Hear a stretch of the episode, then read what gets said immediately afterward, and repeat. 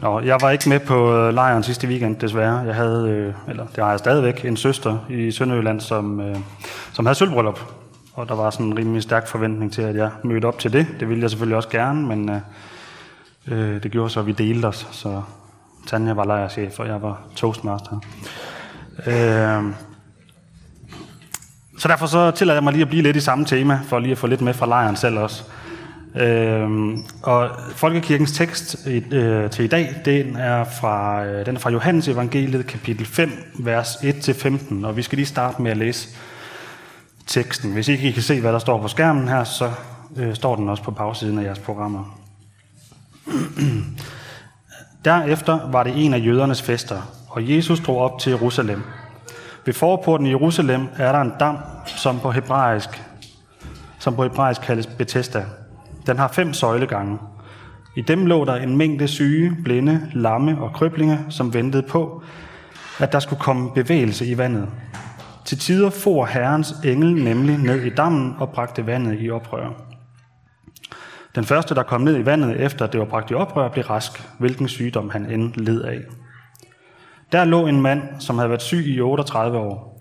Da Jesus så ham ligge der, og vidste, at han allerede havde været der i lang tid, sagde han til ham, vil du være rask? Den syge svarede, Herre, jeg har ikke et menneske til at hjælpe mig ned i dammen, når vandet er bragt i oprør. Og mens jeg er på vej, når en anden i før mig. Jesus svarede ham, rejs dig, tag din borger og gå. Straks blev manden rask, og han tog sin borger og gik omkring. Men det var sabbat den dag. Derfor sagde jøderne til ham, til ham som var blevet helbredt, det er sabbat, og det er ikke tilladt dig at bære din borger. Han svarede dem, det var ham, som gjorde mig rest, der sagde det til mig, tag din borger og gå. De spurgte ham, hvem var den mand, der sagde til dig, tag den og gå? Men han, som var blevet helbredt, vidste ikke, hvem det var. For Jesus var gået sin vej på grund af menneskemængden på stedet. Senere mødte Jesus ham på tempelpladsen og sagde til ham, nu er du blevet rask, synd ikke mere, for at der ikke skal ske dig noget værre. Manden gik tilbage og fortalte jøderne, at det var Jesus, der gjorde ham rask. altså den her tekst, den har øh, voldt mig temmelig mange udfordringer. Øh, og den, den kan fortolkes på flere måder, eller det ved jeg ikke, om den kan, men det er i hvert fald de sidste par uger blevet min erfaring, at, at det bliver den. Den bliver forstået og anvendt meget, meget forskelligt. Øh, derudover så er den sådan lidt af en rodebutik øh, af alvorlige emner, som man kan tage frem og diskutere, øh, og som er svære at skøjte henover. Så, så jeg synes lige, at vi skal, vi skal starte med at, at bede for, øh, for det her. Far i himlen, jeg beder dig om, at øh, du vil være til stede hos os nu. Jeg beder dig om, at du vil øh, hjælpe os hver især med at forstå, hvad du ønsker, vi skal lære af den her tekst. Vil du åbne vores hjerter for dit ord? Amen.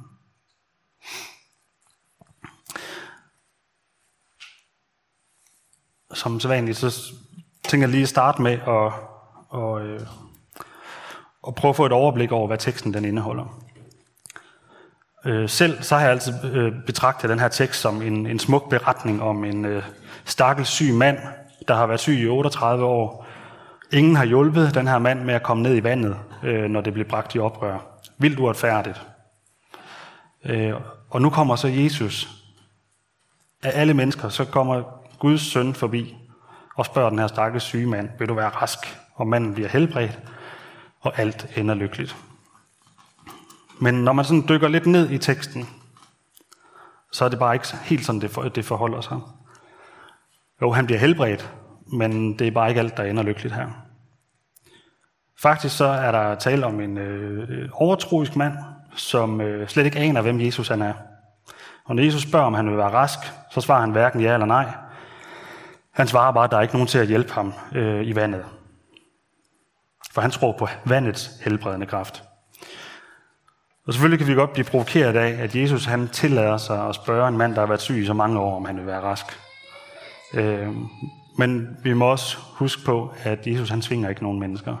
Han møder os der, hvor vi er. Og han ser alle mennesker, men han svinger os ikke. Nå, men Jesus ignorerer mandens overtro, helbreder ham, for han ved trods alt godt, at manden gerne vil være rask, øh, selvom han ikke svarer på det. Men hvorfor siger jeg så, at den her mand han er overtroisk? Jeg har egentlig selv undret mig over, at der står det her med, at en herrens engel for i vandet, så vandet blev bragt i oprør, og den første, der kom i, blev rask, uanset hvad, hvilken sygdom han led af. Øh, og når man så dykker lidt ned i det, jamen, så viser det sig faktisk, at øh, den sidste del af, af vers 3 og hele vers 4 i teksten, som beskriver den her funktion, som vandet har, øh, det her overnaturlige fænomen, det er noget, der er fået til på et senere tidspunkt. Det står slet ikke i de ældste håndskrifter. Øh, så den del af teksten, den, den, den findes slet ikke øh, i, i de ældste håndskrifter. Der kan selvfølgelig sagtens have været nogle mineraler eller et eller andet lækkert i det her vand, som, som kunne have en øh, positiv effekt på kroppen, man havde nogle skavanker eller et eller andet. Men lige frem at helbrede en lam mand, som ham her, han højst sandsynligt har været, det har været almindeligt kendt overtro, og derfor så er det blevet fået til i teksten på et senere tidspunkt. Det ignorerer Jesus. Han beder manden om at tage sin borger og gå. Jesus han demonstrerer, at han skaber med sit ord. Manden han har været syg i 38 år. Det vil nok kræve et par uger genoptræning at få ham øh, stablet på benene og bære rundt på sin borger øh, gennem byens gader. Øh, men manden han har med det samme, så har han fuld styrke til at rejse sig og tage sin borg og gå. så Jesus han viser her, at han skaber med sit ord. Manden var omgående rask. Han nåede ikke engang at tro. Han anede ikke engang, hvem Jesus var. Så står heller ikke noget i teksten om, at han, at han tror. Øh, så han kendte slet ikke Jesus. Nå, men manden han går så afsted med sin borger, og så møder han nogle farisæere. Og på det her tidspunkt var det til en af jødernes øh, øh, store fester. Vi får ikke at vide, hvilken øh, fest præcis det er, men øh, det har højst sandsynligt været enten påske, pinse eller løvhyttefest, som var de tre store fester, hvor man forventede, at samtlige jødiske mænd de mødte op i Jerusalem. Så der har været mange mennesker i gaderne, og den jødiske ledelse i form af farisæer og skriftkloge, de har selvfølgelig også været stærkt repræsenteret i gaderne øh, og i det offentlige rum i det hele taget. Så nu bliver den her netop helbredte mand, han bliver så spurgt af farisæerne, hvem der dog har sagt, at han skulle bære sin borger. Det må man jo ikke på en sabbat, jævnfører Jeremias 17:21. Dette siger Herren, tag jer i agt, I må ikke bære noget ind gennem Jerusalems porte på sabbatsdagen. Så hvem har dog sagt det til ham? Det ved manden ikke, for han øh, ved ikke, hvem der har helbredt ham. Tilfældigvis møder han ham så senere på tempelpladsen, og så går han direkte tilbage til farisæerne og fortæller, at det var altså ham der, Jesus, der gjorde det. Miraklet under helbredelsen efter 38 års sygdom, den er der ingen, der finder interessant i den her beretning. Der er slet ingen, der spørger ind til det. Det interessante for farisæerne, det er, og især når vi læser videre efter, i, i kapitlerne efter dagens tekst her, det er, at Jesus på en sabbat bad manden om at bære sin borger. Jesus havde bedt manden begå kriminalitet, jævnfører Jeremias. Det var i hvert fald farisæernes vurdering. Yes. Så det er historien. Og så tænker man, hvad i alverden er det dog for en historie? Den handler ikke om en syg mand, der møder Kristus og bliver frelst. Der står hverken om tro eller frelse for nogen i den her tekst.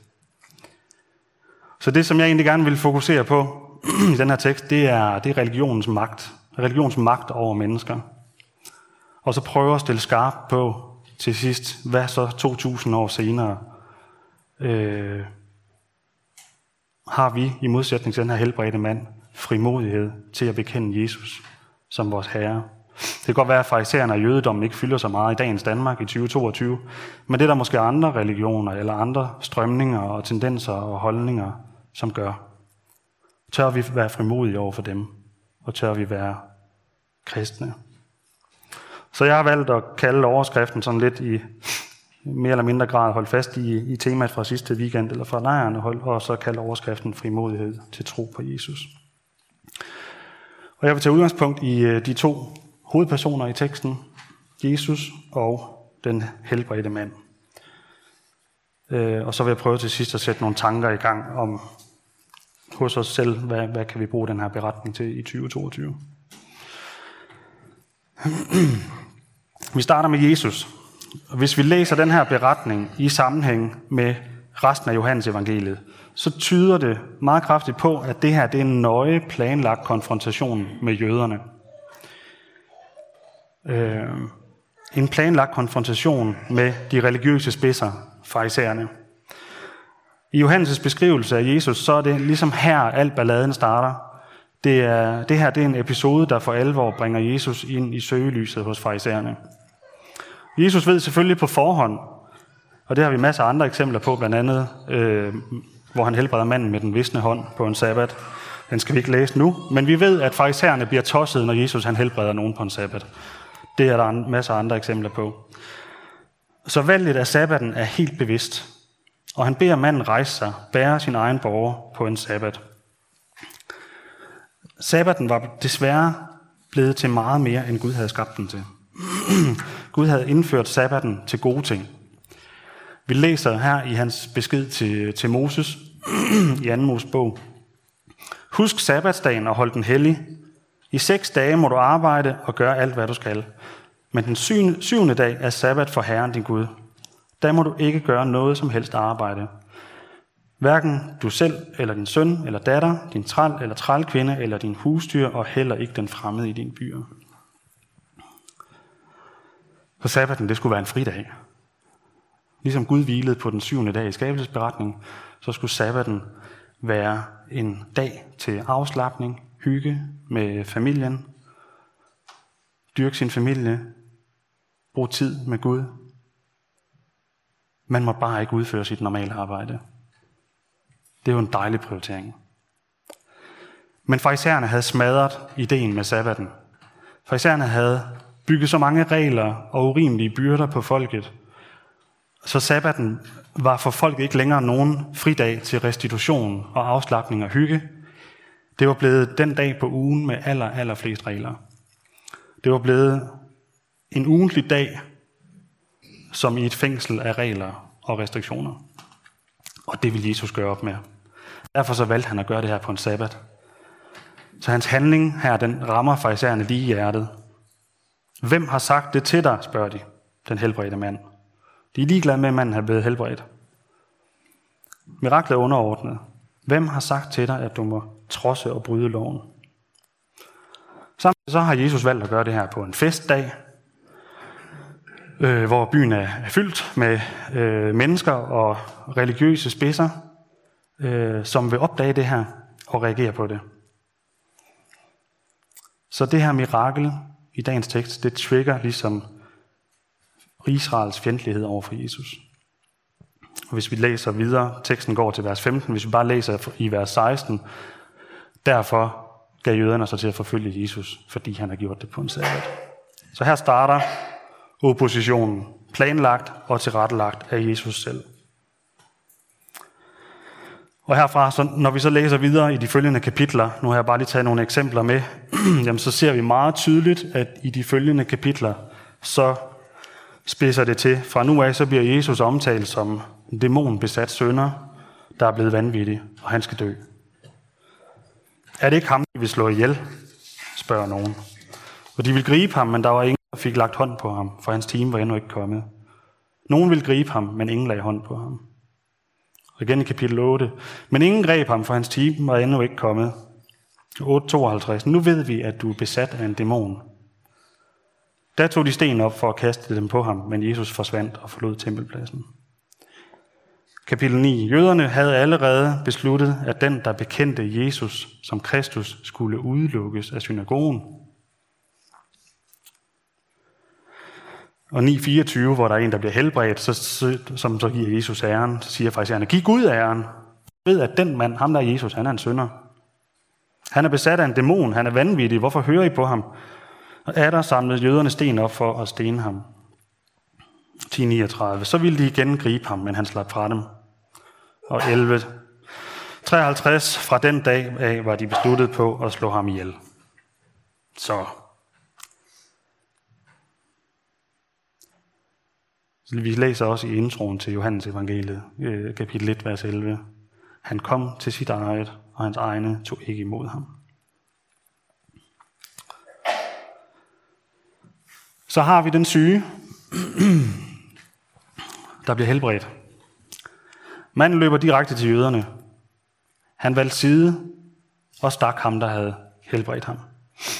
Og det, vi har, det, og det her, jeg synes, det bliver lidt specielt, fordi jeg har også læst prædikner op til det her til i dag, hvor at, øh, hvor øh, som fremhæver, at den her helbredte mand, han gjorde sig selv til offer nu ved at fortælle farisæerne, at det var Jesus, der havde sagt det.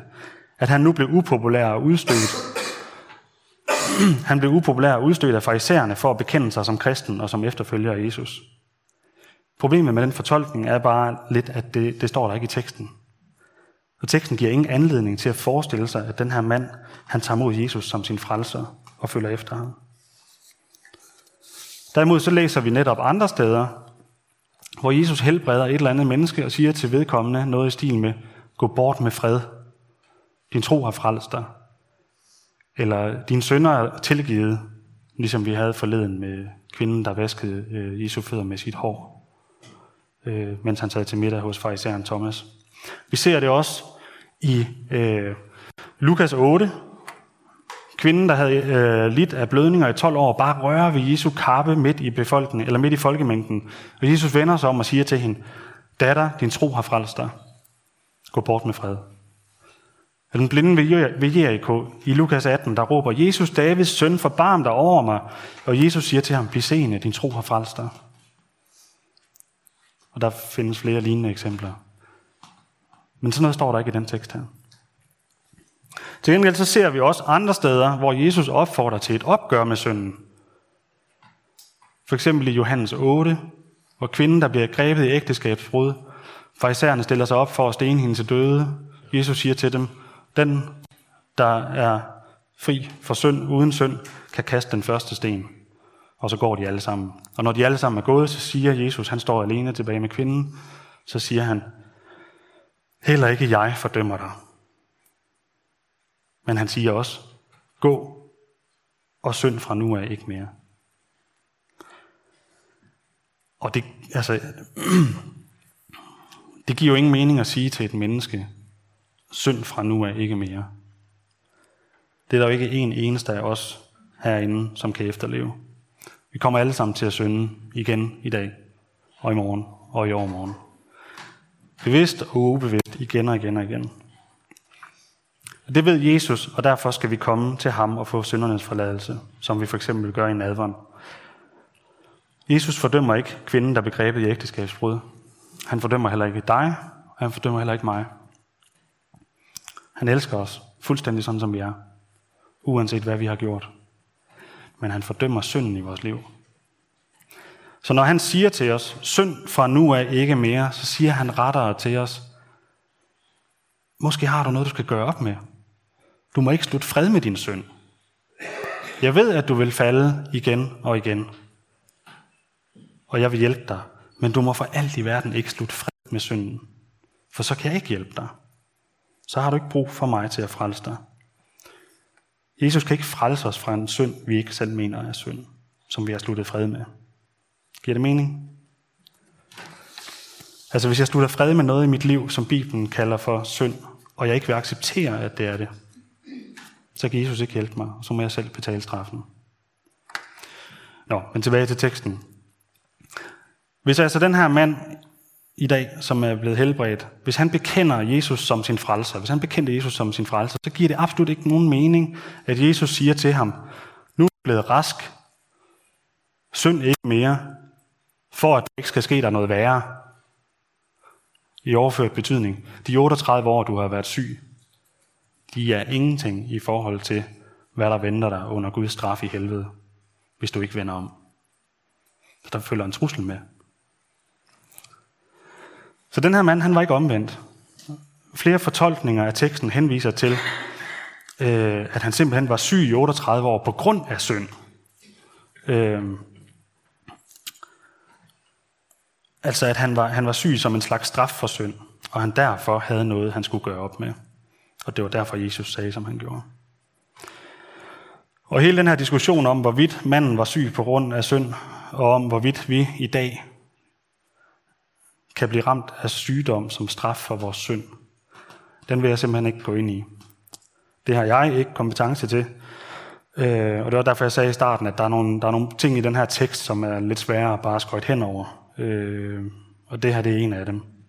Og her der vil jeg nok selv være tilbøjelig til at læne mig op af øh, eksemplet i Johannes øh, 9, hvor at Jesus helbreder, den har jeg nederst der, hvor at Jesus helbreder en blindfødt, altså en, der er blevet født blind, og disciplene spørger Jesus, Rabbi, hvem har syndet?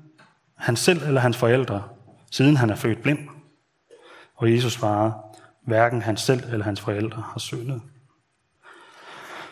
Så uanset hvordan vi læser teksten og forstår den her mands 38 år i sygdom, så kan vi altså ikke konkludere, at vi altid bliver syge, fordi vi har syndet, altså som en straf. Nok om det. Men Jesus opfordrede ham altså på tempelpladsen til at vende om, så der ikke skulle ske ham noget værre, så han ikke skulle gå fortabt. Og hvad var så mandens respons? Han gik til farisæerne og stak Jesus. Så han har stået ansigt til ansigt med frelseren. Han var blevet befriet fra sygdom, som havde plaget ham og udstødt ham fra fællesskab i 38 år, og så afviser han Jesus. Han vælger side. Han vil ikke være udstødt mere. Han vil ind i varmen hos de religiøse.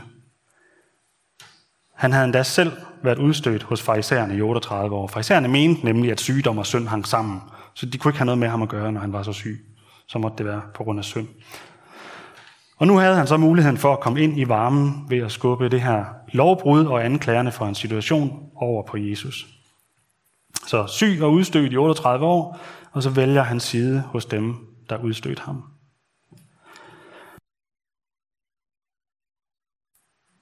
Mirakelhistorie. En tragisk mirakelhistorie. Men vi skal også huske på, at rigtig mange mennesker faktisk afviste Jesus. Og nogle gange var der endda øh, de fleste, der afviste ham, selvom de var blevet helbredt. Øh, vi har for eksempel øh, vi har eksemplet med, med de ti spedalske, som, som møder Jesus uden for byen. Jesus helbreder dem alle ti, og en af dem vender tilbage. En vender tilbage til Jesus og priste Gud med høj røst og kastede sig på sit ansigt for Jesu fødder og takkede ham, og Jesus spørger ham, hvor er de ni andre? er det kun denne fremmede, der er vendt tilbage for at give Gud æren. Og han sagde til ham, stå op og gå herfra, din tro har frelst dig. Der har vi det igen. At, man, at troen frelser. Så en ud af ti helbredte gav Gud æren for at blive helbredt fra spedalskhed. Så det er måske ikke så opsigtsvækkende, at den her mand i dagens tekst, han, han bliver helbredt, og så går han tilbage til farisæerne, i stedet for at følge Jesus. Men farisæerne var enormt dygtige til at presse folk i samfundet med deres religion og til at holde dem fast i jødedommen.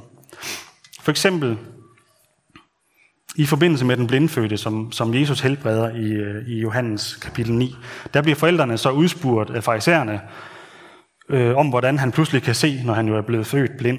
Og forældrene svarer farisæerne, spørg ham selv, han er gammel nok til at, forsvare, eller til at svare for sig. Det sagde forældrene, fordi de var bange for jøderne. For øh, jøderne havde nemlig allerede besluttet, at den, der bekendte Jesus som Kristus, skulle udelukkes af synagogen. Og det havde man bare ikke lyst til. Man havde ikke lyst til at blive udelukket af synagogen. Og Johannes 11, hvor at øh, Jesus har opvækket Lazarus fra de døde. Det må have været en voldsom oplevelse at være vidne til. Se Lazarus komme ud af graven efter tre dage. Han lå der på fjerde dagen. Vanvittig oplevelse. Men, står der, nogen af dem gik til farisæerne og fortalte, dem, hvad, fortalte, hvad Jesus havde gjort. Og i kapitel 12. Ikke desto mindre kom mange endnu af rådets medlemmer til tro på ham, men på grund af farisæerne bekendte de det ikke, for ikke at blive udelukket af synagogen.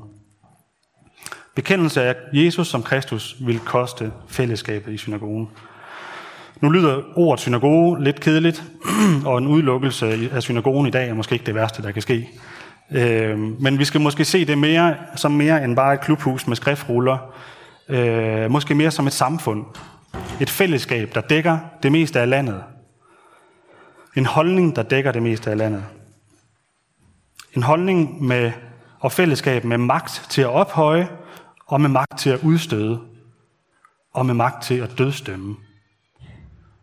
Da Jesus han bliver dømt til korsfæstelse, der ser vi også den religiøse elite lægge så stort pres på de romerske myndigheder, at Pilatus simpelthen bliver nødt til at korsfæste Jesus for at få ro. Af frygt for oprør. Så meget magt havde farisæerne, så meget magt havde holdningen, øh, fællesskabet i, i samfundet. Det skulle man ikke komme på tværs på, komme på tværs af. Så at følge Jesus, det havde en pris. Så hvad gør vi så 2000 år senere? Der er ganske vist ikke nogen farisæere længere, som kan presse os som kristne i 2022. Så hvad har vi at frygte i forhold til at følge Jesus? Øh, Claus Grønbæk talte på lejren sidste weekend over temaet frimodighed til tydelig tro. Og her talte han blandt andet om, at Gud sender sit kristne fællesskab ud i verden, ud blandt mennesker, hvor de er jordens salt, som lys på et bjerg, der ikke kan skjules. Og I læste fra, fra 1. Peter 2.12, Lev jeres liv blandt hedningerne sådan, at de netop ved det, de bagtaler jer for som forbrydere, kan få syn for jeres gode gerninger og prise Gud for dem på hjemsøgelsens dag. Så på trods af, at de mennesker omkring os måske bagtaler os nu, og bagtaler de kristne nu, på grund af det, vi mener som kristne, så vil de måske prise Gud på hjemmesøgelsens dag. Så selvom vi nogle gange kan være nødt til at sige nogle ting, som kan være svære, og apostlen Peter minder os om, at der kan godt komme hårde reaktioner på det, og selvom folk ryster på hovedet af os og reagerer og vender ryggen til os, bagtaler os, behandler os dårligt, så kan det måske en dag blive noget rigtig godt for dem. Claus, han, øh, Claus Grønbæk han spurgte så også ud i Bornholmerkirken, hvad det er, vi kan være bange for i den verden, vi lever i. Og der svarede I, at det kunne for eksempel være sådan noget som, om man, har, om man kan forsvare sig mod spørgsmål, øh, om man har mod til at gå ind i diskussioner. Der var også nogen, der nævnte den her øh, øh, stærke pride-kultur, øh, Vogue og, nej det blev ikke sagt, Vogue, kønsdebat, hvor alt er relativt. Og der blev snakket om virksomheder, som i Pride-ugen sætter Pride-flag på deres facade, uden nødvendigvis at have en holdning til Pride. Øh, men hvis man ikke gjorde det, så risikerede man negativ omtale.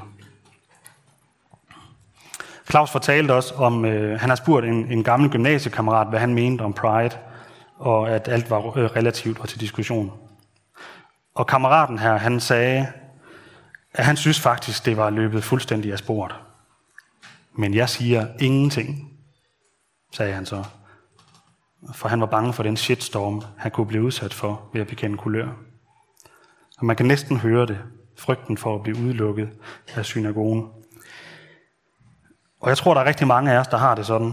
Langt flere, end vi egentlig tror, fordi der er ingen, der tør at sige noget.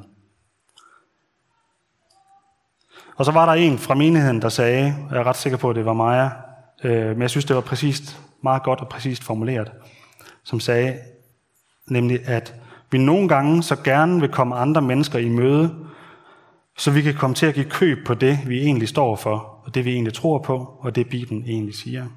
Fordi vi vil ikke støde nogen væk. Var det ikke noget i den stil? Måske er vi både bange for at støde andre væk, men vi er også bange for selv at blive udstødt. Øh, krænkelsesparatheden den blandt mennesker, den er stigende. Ytringsfriheden er under pres. Tidens strømninger tvinger os til at rumme alt, rumme alle holdninger og acceptere mange syn på mange ting. Og der er ikke altid lige stor rummelighed over for mennesker, som ikke rummer og accepterer alle holdninger. Så den, der ikke er woke, kan få det svært i vores samfund. Der kan vi komme under pres som kristne, i hvert fald hvis vi anerkender Bibelens autoritet over vores liv.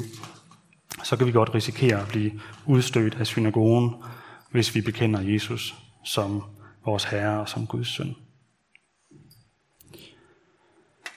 Øh, ja, og det sidste, jeg lige vil sige, og øh, lovsangsteamet må egentlig godt øh, komme op. Øh, og, og sætte jer til instrumenterne. Det sidste, øh, det var Claus Grønbæk, han gav os også en udfordring på lejren, hvor vi skulle beskrive meget kort, hvorfor vi tror på Jesus. Og så var der en fra menigheden, og det lød som om det var Peter Arnsen. Øh, jeg er ret sikker. Han nærmest råbte, han har forandret mit liv.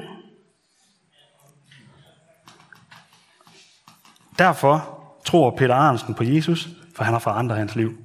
Det er stærkt. Og i dag, så læser vi. Det er stærkt. Og det er så stor en kontrast til det, vi læser i dag, fordi vi læser den tragiske begivenhed om en mand, som i den grad får forandret sit liv af Jesus. Han bliver helbredt efter 38 års sygdom, men han vil ikke risikere at blive udstødt af synagogen. Han vælger trygheden i det strenge religiøse fællesskab, så han vælger Jesus fra. Så spørgsmålet er, hvad gør vi, når Jesus vil ind og forandre vores liv? Har vi frimodigheden til at tro på ham? Eller afviser vi ham, når vi bliver bange for at blive udstødt af synagogen? Og hvad gør vi, når vi tager hjem fra kirke i dag, efter vi har modtaget Guds tilgivelse ved nadveren og tager hjem på arbejde eller i skole eller andre ting i morgen? Det synes jeg, vi skal slutte med at bede om hjælp til fra ham, som har al magt i himlen og på jorden. Lad os bede sammen.